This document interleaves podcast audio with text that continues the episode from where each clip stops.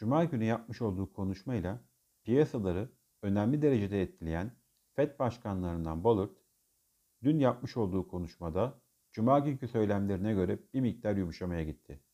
Dünkü konuşmasında varlık alımlarını azaltmanın masa üstünde olduğunu ama uygulamaya geçmenin zaman alacağını belirtti.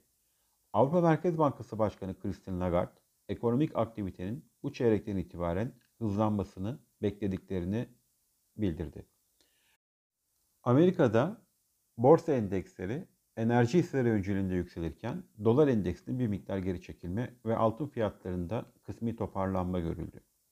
Mevcut gelişmeleri kısmen cuma günkü görülen düşüşün tepki alımları olarak değerlendirebiliriz.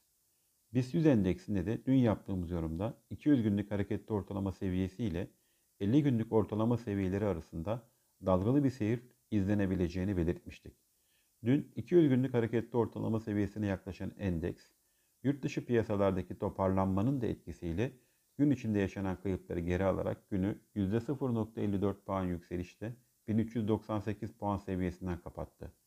Endeksin 50 günlük hareketli ortalama seviyesinin bulunduğu 1418 direnç seviyesinin test edilebileceğini düşünüyoruz. İyi günler, bereketli kazançlar.